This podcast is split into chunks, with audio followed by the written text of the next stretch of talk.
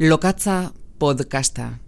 Pentsamendu feministan narrasean.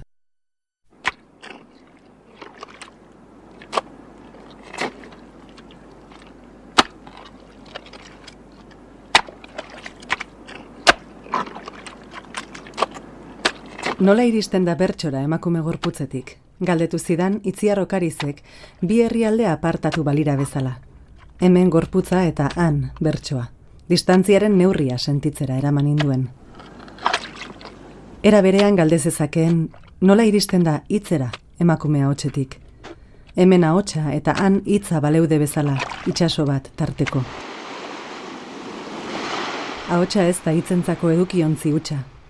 Gorputza ekintzarako bitarteko soil ezten bezala. Ahotsak hitzik ebaki gabe ere esan egiten du. Ahotsak esan egiten du hitzen gainean, azpian, inguruan, batzuetan ahotsak ez du hitza aditzen uzten. Ahots irakurketa, gorputz irakurketa da. Zer dio zutaz zure ahotsak, nolako harremana duzu zure ahotsarekin? Zer esaten duzuta zure ahotsak sinesgarri izan nahi duzunean? Aserretzen zarenean, seduzitu nahi duzunean, kontrola galtzen duzunean. Zer gertatzen zaio eraso egiten dizutenean, tristezia kondoratzen zaituenean, beldurrak airean zaudenean. Ba aldu generorik zure ahotsak. Nola zeharkatzen dizu eztarria genero sistemak. June Fernandezen Abrir el Melon liburuan aurkitu dut kazetari batek Angela Merkeli egindako elkarrizketa zatia. Beraz, diotxo kazetariak. Desabantailarik ez politikan emakume izateagatik? Bai, ahotsa, kantzilerraren erantzuna. Boterea eta subiranotasuna ertxiki lotzen zaizkio ahots ilun eta sakon bati. Ez dago ez errokerragorik tonu zoli eta kirrinkaria baino. Norbere ahotsarekiko disforia, fenomeno zabaldua da oso. Trantsizioa egin ostean, grabazio batean bere ahots zaharra ezagutu etzuen bertsolari transexuala dut orain gogoan. Hormonazio prozesuaren ondotik, distantziatik begiratuz, aspaldiko ahots zaharrari eta pentsatuz zer esaten zuen ahotsark. Zer esan zezakeen? Zer nahi nuen nik esan zezan? Zer esaten du oraingo ahots Zer esan dezake? Zer nahi dut nik esan dezan? Arkaitzkanok, luze idatzi zuen fakirraren ahotsa nobelan kantariek euren ahotsarekin duten harremanaz. Ahots polita daukazu, esango dio behin neska batek Imanol Lurgain kantariari. Egia da eta gainera sinetsi egin du idatzi zuen kanok. Bi gauza diferente dira eta biak importanteak. Gure ahotsaren kontzientzia ezinbestean dago zeharkatuta kanpotik jasotzen ditugun impresioekin. Ez bezatu hitzak, ez bezatu ahotsa, esango diote Imanol kantariari. Ahotsa den arren, gorputzarekin batera, umetatik bezatzen diguten aurreneko gauza. Ez garrasirik egin, ez niri horrela hitz egin, hitz egin ezazu behar den bezala eta arauak, behar den bezala hitz egitekoak, ez dira berdinak denontzat. Ez dira berdinak testu inguru guztietan. Narratzailea fakirraz mintzu.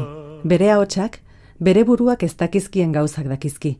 Eta ahotsarekin iristen den lekuetara ez da sekula ailegatuko bere kasa. Ahots batzuek urrunago, sakonago, askeago bidaiatzeko baimena dute beste batzuek baino. Imanolek aita noela hotxa du nobelan, eta Tatiana maitaleak txolarre irria. Ahotsa leizea da, zure barruko leizea, kabidadea. Barruan susmo bat daukazu, baina ez tarritik ateratzen dena beste gauza bata. Zeure buruaz dituzun susmoak baieztatu edo gezurtatu egiten dizkizu ahotsak, jarraitzen dukanok. Ahotsa menderatzea lortzen baduzu, zeure barruko arrankea menderatuko duzu, temperamentua kontrolatuko duzu, barruko piztia, dagoen gauzarik zailena da hori, norbere ahotsa bridatzea. Angeles Mastretari lapurtutako hitzekin amaitu nahi nuke sinadura hau.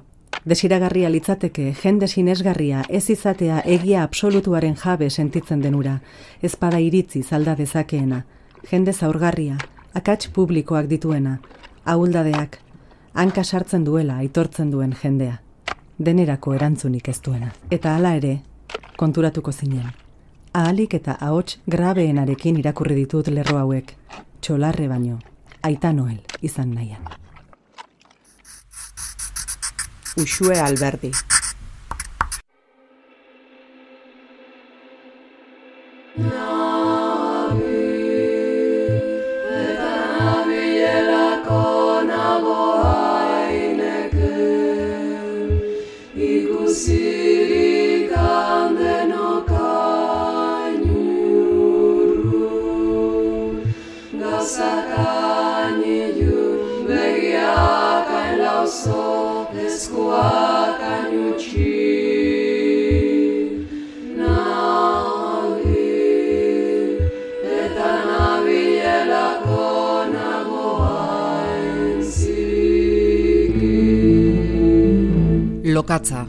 Gabiltzalako gaude ainezikin. Gelditu egingo naiz, ala ere.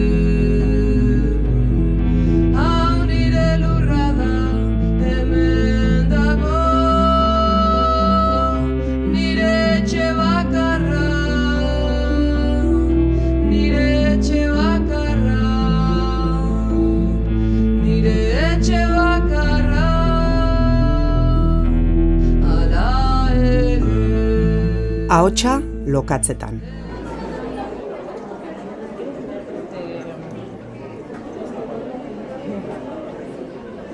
Mila da amabosteko abenduak hogeita bat ditu.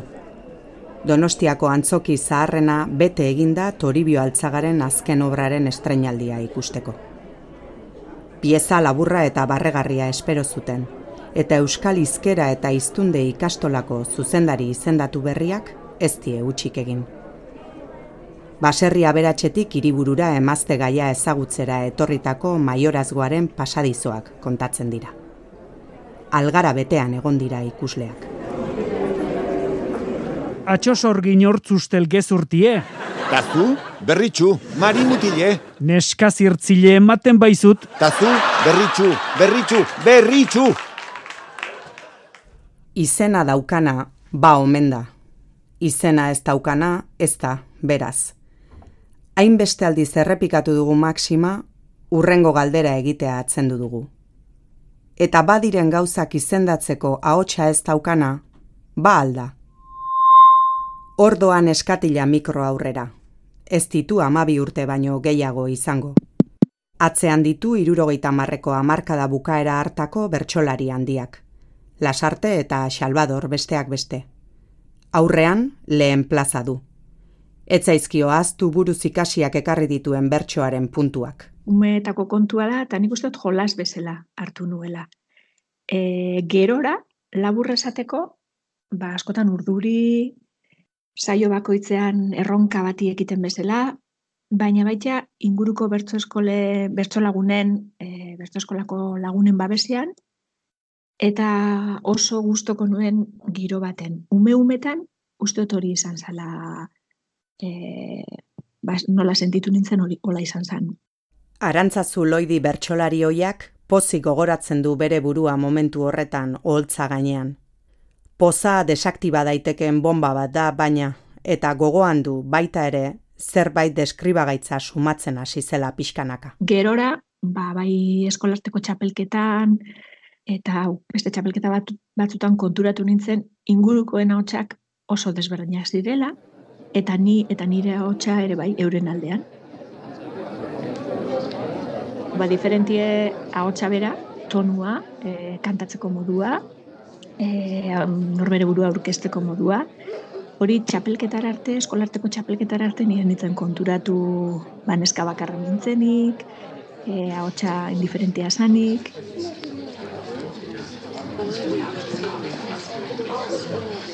plazaz plaza ibili nintzen urtetan, ba, gauza bera, danetik.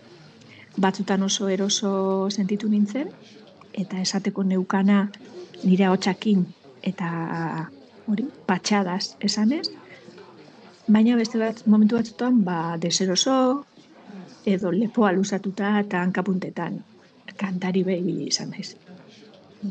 Eta gur bat, ez dakit, txorikume bat bezala, mikroaren aurrean nola gora begira, ba, hori, oroitzapen hori be badaukat, ez da? Gauza gogorrak erentzun behar izan ditut, eta mm, gaur egungo ikuspegitik esango nuke, ba, ulertzen ez nituen sententzia bortitzak ziela, ez da? Ba, adibidez, ez nahi sekula utxuko emakume bat bertxotan entzutera. Eta nik hori momentu hartan ez nuen ulertzen. Baina gaur nagoen lekuan, gaur nagoen lekuan egon izan banitz, ba, etzan erantzunik gabe geratuko, eta momentu horietan igual erantzunik gabe geratu zen, hori bai. Igual zigorra neure buruari jarriko nion, ez dakit. Zertarako egoak aldiro aldiro luma bat lapurtzen dizutela sentitzen baduzu. Igual, ahotsagatik, ba, kanpotik esan izan didaten zenbait gauzak, e, kendu dit indarra edo, ba, neurearekin patxadaz gozatzeko eta arro sentitzeko edo. Ba, indarra edo aukera, o ez dakit ez, hori bai. Baina, bueno, hori ez dit ahotsak kendu. hori, e, ba, ez dakit, igual begira zegoenak, o begira da, beste batzun begira da, ez, kendu esateko edo, e, batez ere, igual erantzuteko gaitasunik eneukan adin batean, esan zizkidaten hitzek, edo hitz horiek esan zituenak kendu, kendu zidan zerbait gehiago, kentzekotan, ez? Ez hainbeste agotxak. Eh? Igual, ba, hori guztiz libre edo etiketari gabe sentitzeko askatasuna. Horako zerbait esan batuk, kendu zidana.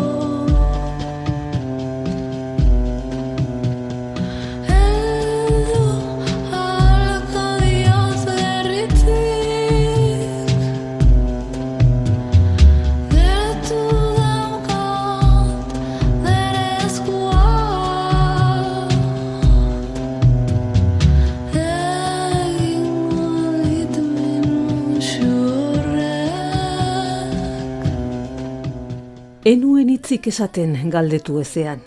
Eta orduan ere labur eta apal. Ezin nintzen ozenki bizi. Hainbeste halketzen induen zalapartak.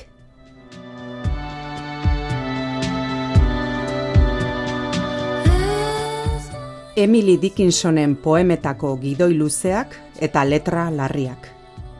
Emily Dickinson eta bizimodu eta literatura kanonikoaren gidoian txikitzat jo edota zuzenean ezabatuak izan diren ahotsak. Kanonaren ustezko neutraltasuna. Nik eh, onartu dezaket edo onartuko nuke nire literatura, eh, nik egiten dudan literaturan hormona, zorioneko hormona horiek eragina dutela. Onartuko nuke. Baldin eta gizonek onartuko balute, beraien literaturan ere hormonek eragina dutela. Orduan guztiok ginateke hormonatuak. Baina normalean gizonena konsideratzen da neutroa, universala nola ala, eta guria berezia. Oholtzan agertu den bigarren emakumeak mila bat zireunda irurogeita maikan idatzi zuen bere lehen poema sorta. Publikoki hitz egin baino lehen e, argitaratu egin nuen. Saritu ere egin zioten poemarioa, baina hasiera batean gertukoenek ere ez zioten sinetsi. Bertso haiek sinatu zituen Arantxa Urreta Bizkaia haren ahotsa berea zenik. Niretzat beti da izkutuko lan bat. Literatura da oso gauza intimoa esango nuke niretzat e, da izkutuan egiteko zerbait, bai, e, hola da oraindik ere. Idazten segitu baitzuen.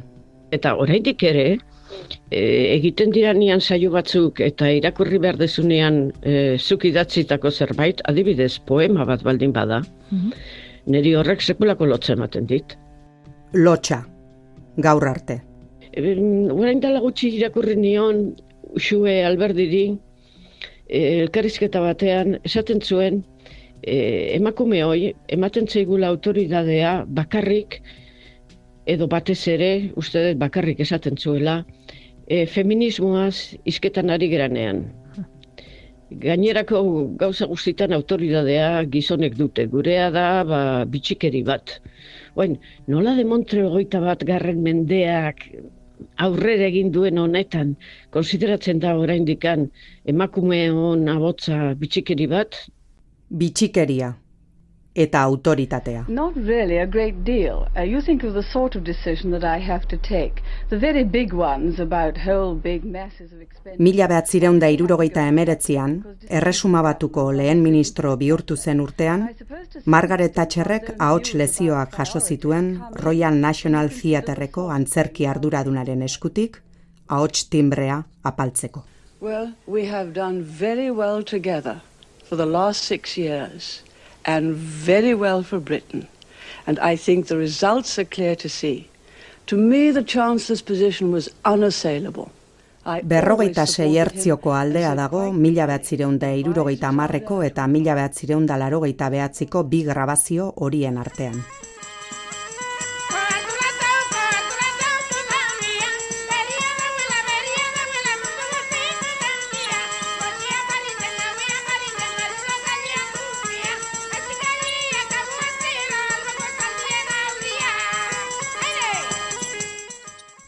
Geure amak eta amonek baino ahots tonu lodiagoa dugu. Eta horren arrazoia, gizon eta emakumeen arteko botere harremanetan gertatu diren aldaketak dira.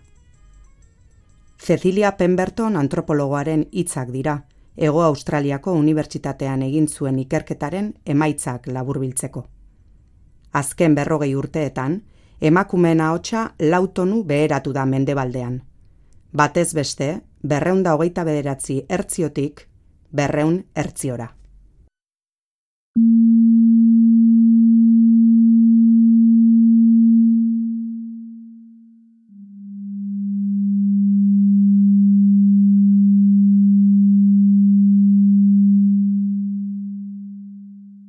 Hogeita bederatzi ertzioko aldea.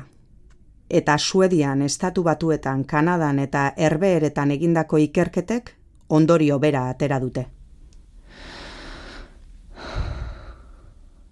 There's a timbre of voice that comes Badago ahots timbre from bat not being entzuna ez izatetik sortzen dena and knowing you are not eta ez dela being entzuten heard, dakiena eta ez entzuna delako soilik da besteengandik entzuna. being heard for the same reason. Audrey Lord, oihartzunak.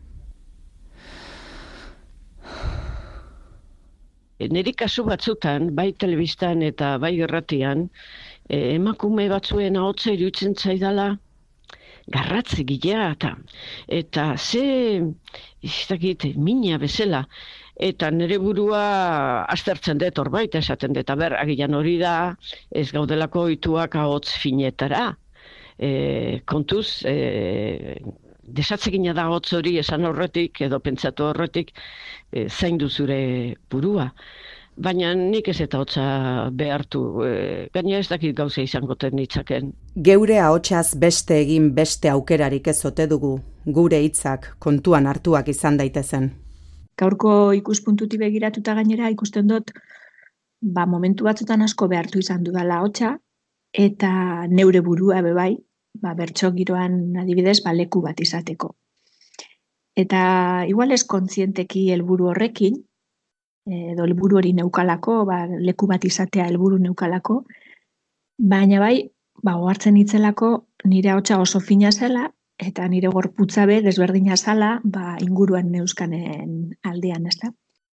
Bai, gauza kurioso bada, lanean desente tokatzen zaite gazteleraz jardutea, eta gauzak esateko moduan, ba, zenbaitek esan izan dit, em, zorrotza edo euskaraz baino lehorragoa naizela erderaz. Eta ez dakit, mm, nire ahotsaren finaz edo goxoaz o kontrastean behar bada, edo igual ba, euskaldunei buruzko estereotipo eraginda izan leike, eh? ez dakit.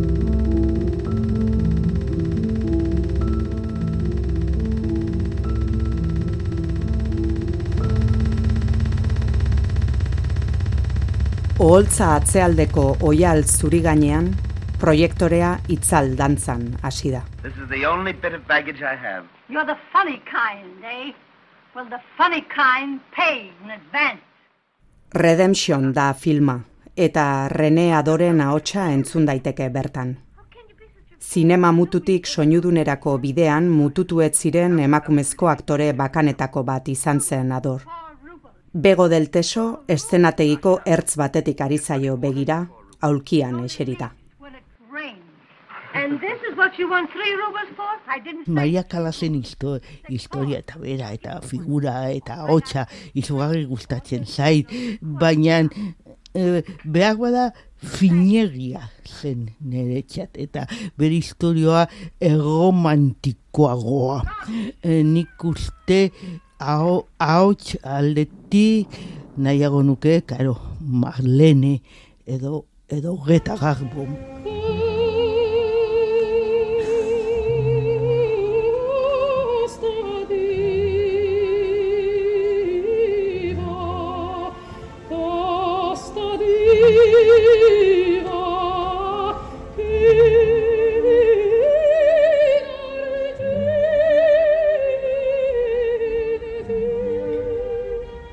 Ahots betea zilegi balitz. Eta edo txabelarena, baina txabelarena tekila edaten ari zen bitartean. Ja, utzi zionean ez. Tómate esta botella conmigo. En el último trago nos vamos. Quiero ver a qué sabe tu olvido sin poner en mis ojos tus manos. Cecilia Pembertonek beste ondorio bat ere atera zuen, paradoxikoa benetan, emakumea hotsen tonuaren bilakaerari buruz egindako bere ikerketan. Nor izateko ahotsa loditu behar izan duen emakume bera, pertsona desatsegin, autoritario eta zakartzat jo da, bere ahotsaren loditasunagatik. No, Gehien bat esan diatena da, nire hotxa grabea dela, eta oso altu hitz egiten duela. Baina, uste dut igual azkenengo hau dela bide e- egoki batetik noalaren seinale.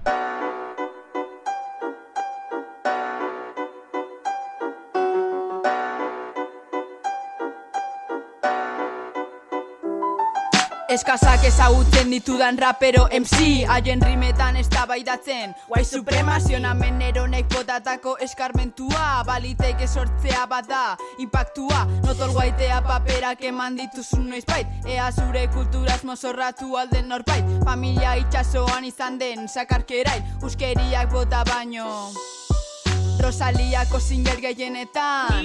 Anemenka ibilomen da kultur lapurretan. Lapurrak ez du ikusten bere krimen bizioa. Bizimodu bihurtu du kultura apropiazioa. Feminismo txuri, hegemonikoa. Ez aiguzu gutaz barrezka ari zarala. Huelbako emarginazio automatikoa Jakin guaitirzekin beteko dut lapikoa. Pray for Paris eta Barcelona dago denen ahon. Siriarekiko babesa ez dut ikusten inon. Notre Dame zutara, eurocentrismo rautzak post Tirutza duzue, artez kamuflatuta lor Baina zer da ba artea, Eurovision showaren zalea Segi sustatzen armenta bomben ekoizleak. Segi iztaramen zetan gana moduko artistoi Zuretzako madrileño. Zara kolono kabroi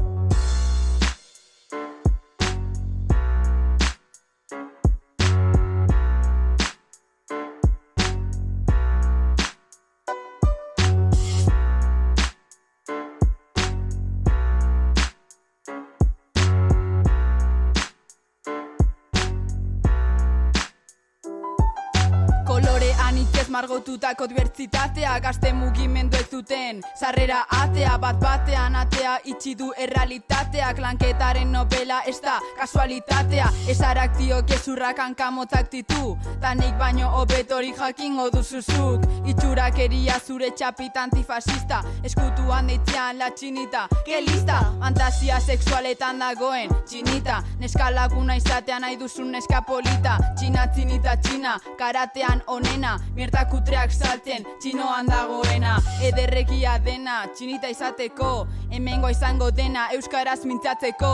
Baina euskaraz dut nik, poesia sortu. Rapeatzeko flowa soberan dut aitortu. Niri ez egiten zait e, modu gizartean e, leku konkretu bat hartzea ez da, rol jakin bati lotzea, igual rol isilago eta eta pasibo bati, ez da, eta finean ahots propia izatea. Orduan nire ahotsa hartu nuenean, momentuan, eta nire ahotsa hartzen dudanean, e, zigortzen zait momentu oro, ba ez dakit e, nire ahotsa zentzuratzen modu zehar edo e, zuzen batean, edo e, ni be, gaizki begiratzen, eta bar, eta bar, eta bar. Ningarrak bere ahotsarekin bete du antzoki osoa. Hasi berria da, baina rapa bitarteko perfektua da beretzat. Disidentzia guztiak modu baten edo bestean e, zigortzen direla, ezta? Eta nire kasua ez da salbu- salbuespen bat izango. Osea, ni emakume eta razializatu hutsa izatagatik eta ahots propio hartzeagatik ja banago sistema doktrina batetatik aldentzen. Rapa ere mailu bat da, bai, eta ningrak badu zer kolpatua bere bertsoekin. Ni hegemonikoaz naizen enean nire ahotsa ere ez dela hegemonikoa izango. Ez, orduan, e, nire ahotsa, nire, ni ahots propioz jokatzen duan bitartean, ere nire ahotsa izango dela aldarrikatzailea, sistema batikiko austura bat suposatzen duelako.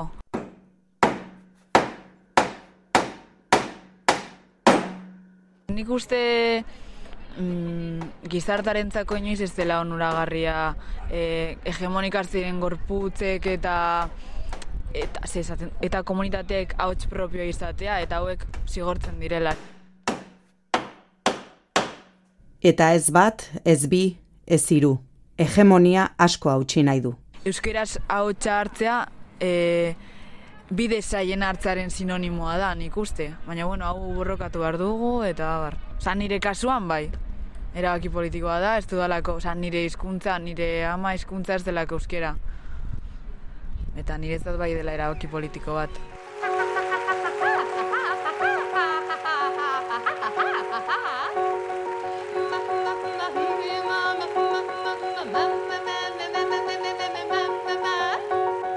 Ainize madariagaren ama hizkuntza bada euskara, eta berak ere erabaki politikotzat du euskaraz bizitzea.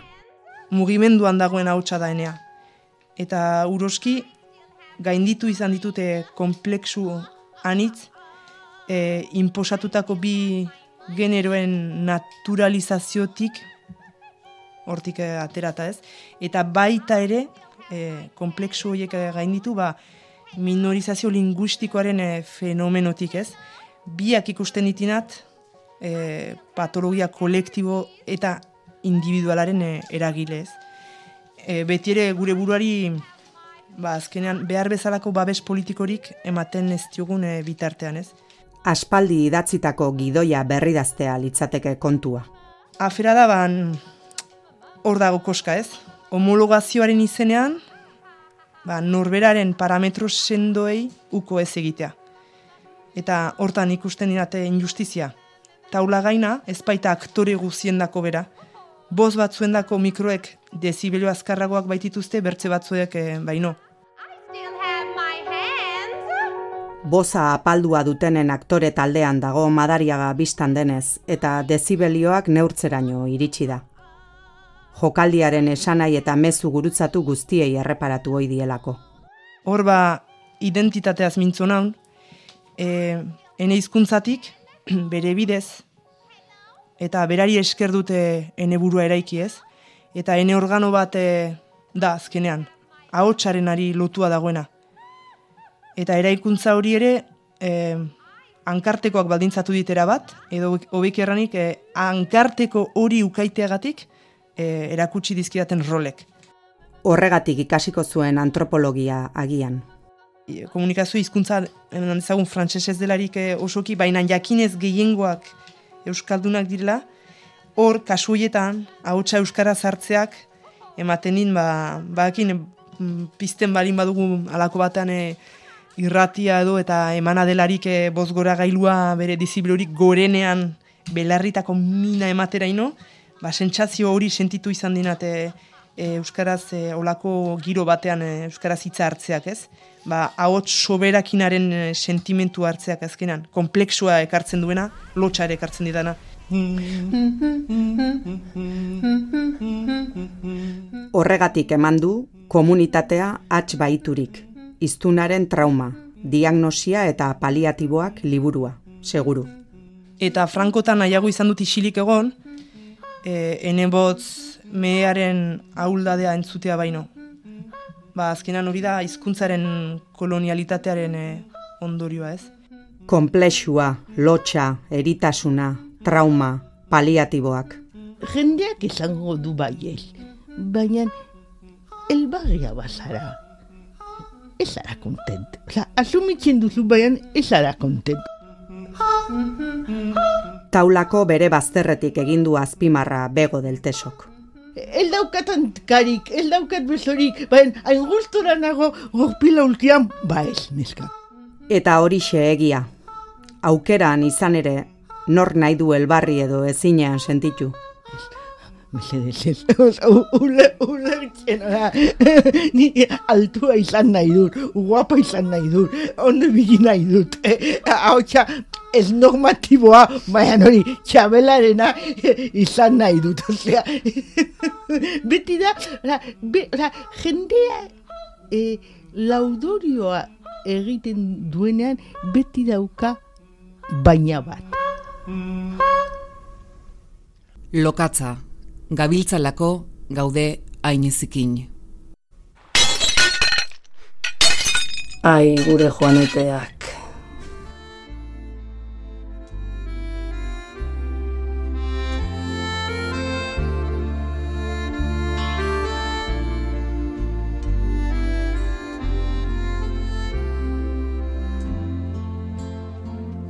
Nere herriko neskatxa maite Ahoz kolorez zaitut gaur lastantz Nere herriko neskatxa maite. Neskatxa maite, neskatxa maite. Nere, ni, ni, herriko neskatxa maite. Maitia, maiti, mai, ma, mm. Ah, ah, eta ah. Hau ezin egona, hau tripa nahastea. Zer gertatzen zait? Ni neu herriko neskatxa bat naiz, nerabea, amairu amalau amabost urte ditut, eta abesti hau entzuten dudan bakoitzean, krakatekoa barruan, are kakalarria. Astero astero jotzen dute frontoian egiten diren dantzaldietan, baita edozein herriko jaixetan ere. Kuadrilan joaten gara, neskak denak, naiz eta ikastolan mutilekin bagabiltzan. Izar zerutaren nirria Alagarrau edo dantzalotuan aritzeko binaka jartzen gara. Nire eskuak bestearen sorbaldetan, bestearenak nire gerrian. Bi lagun, bi neska. Azpimarratu behar da, bi neska. Bi mutil ez baitira dantzalotuan aritzen. Neskak binaka dantzan hasi eta azokan azak eta letxugak aukeratzen diren bezala, mutilak neska bat aukeratu behar du. Dantza ingo aldeu. Baiezkoa bada, hortxe neska mutil bikotea dantzan. Ez ezkoa bada, mutil batzuek zergatik ez galdetzera ausartzen dira.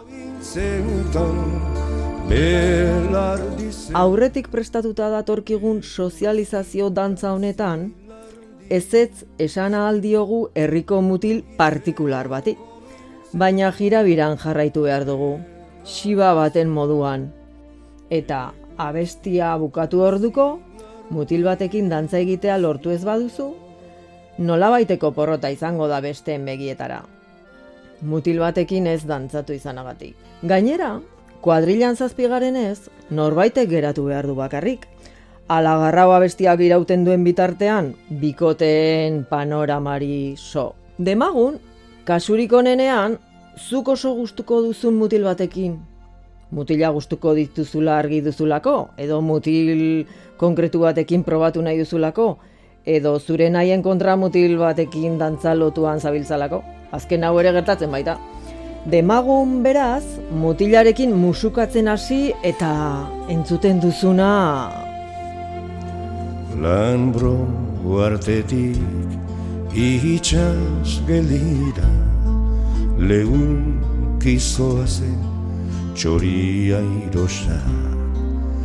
Amodiozko sentipenaren atxa zuren espainetan loratuz doon goizen kointzentan belardizera eguzkitan zilardiz dira Listu eta mingainak lehortzeko, are hormatzeko modukoa, ez da?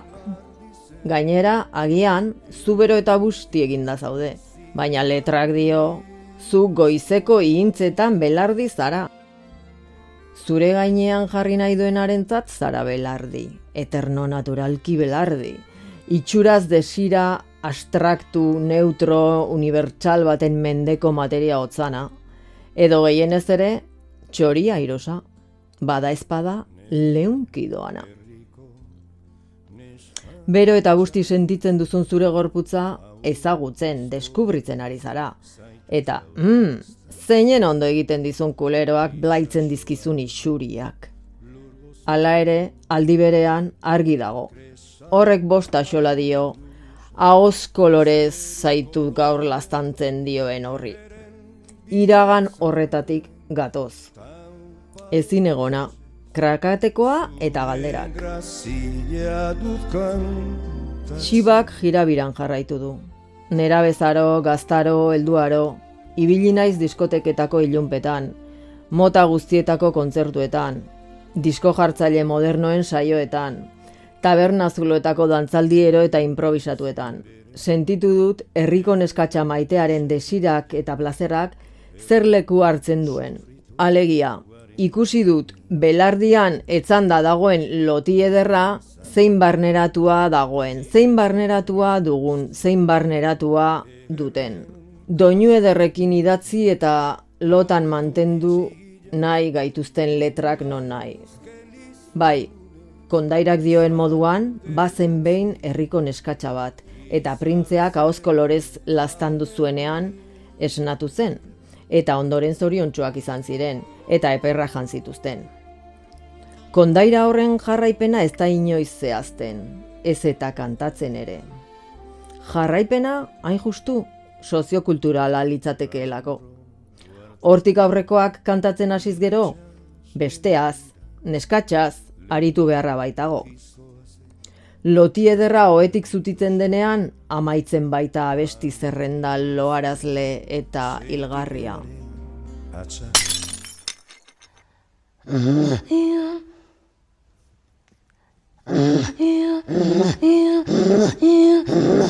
Tania Tagak, musikari inuita, eztarri abeslaria.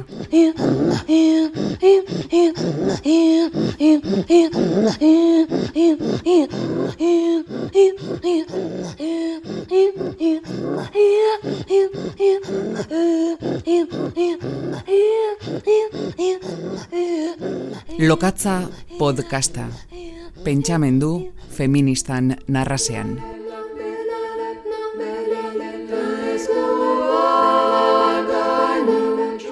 Gidaritza, Ainara Lasak, Amagoia Gurrutxagak, Idurra Eskizabelek eta Lorea Agirrek. Sintonia, Mursegok, Lurde Siriondoren ala ere berbisitatuz. Musika aukeraketa, Maider eta Leire Trikitilariek. Errealizazioa, Miren Rubiok. Soinu gidaritza, Jose Alkainek.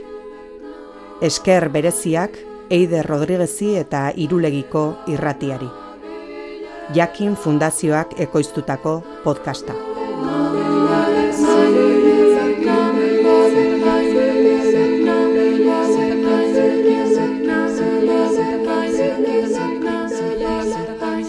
Zikin, zikin, zikin, zikin, zikin, zikin.